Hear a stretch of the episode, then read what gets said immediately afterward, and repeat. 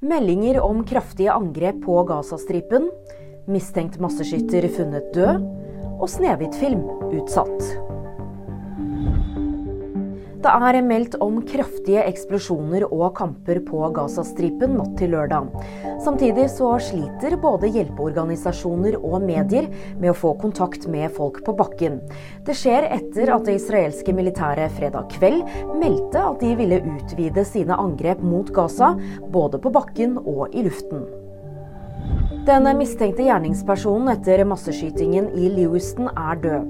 40-åringen forsvant sporløst etter at han skal ha tatt livet av 18 mennesker natt til torsdag. Politiet tror at han har tatt sitt eget liv, det melder nyhetsbyrået Ap.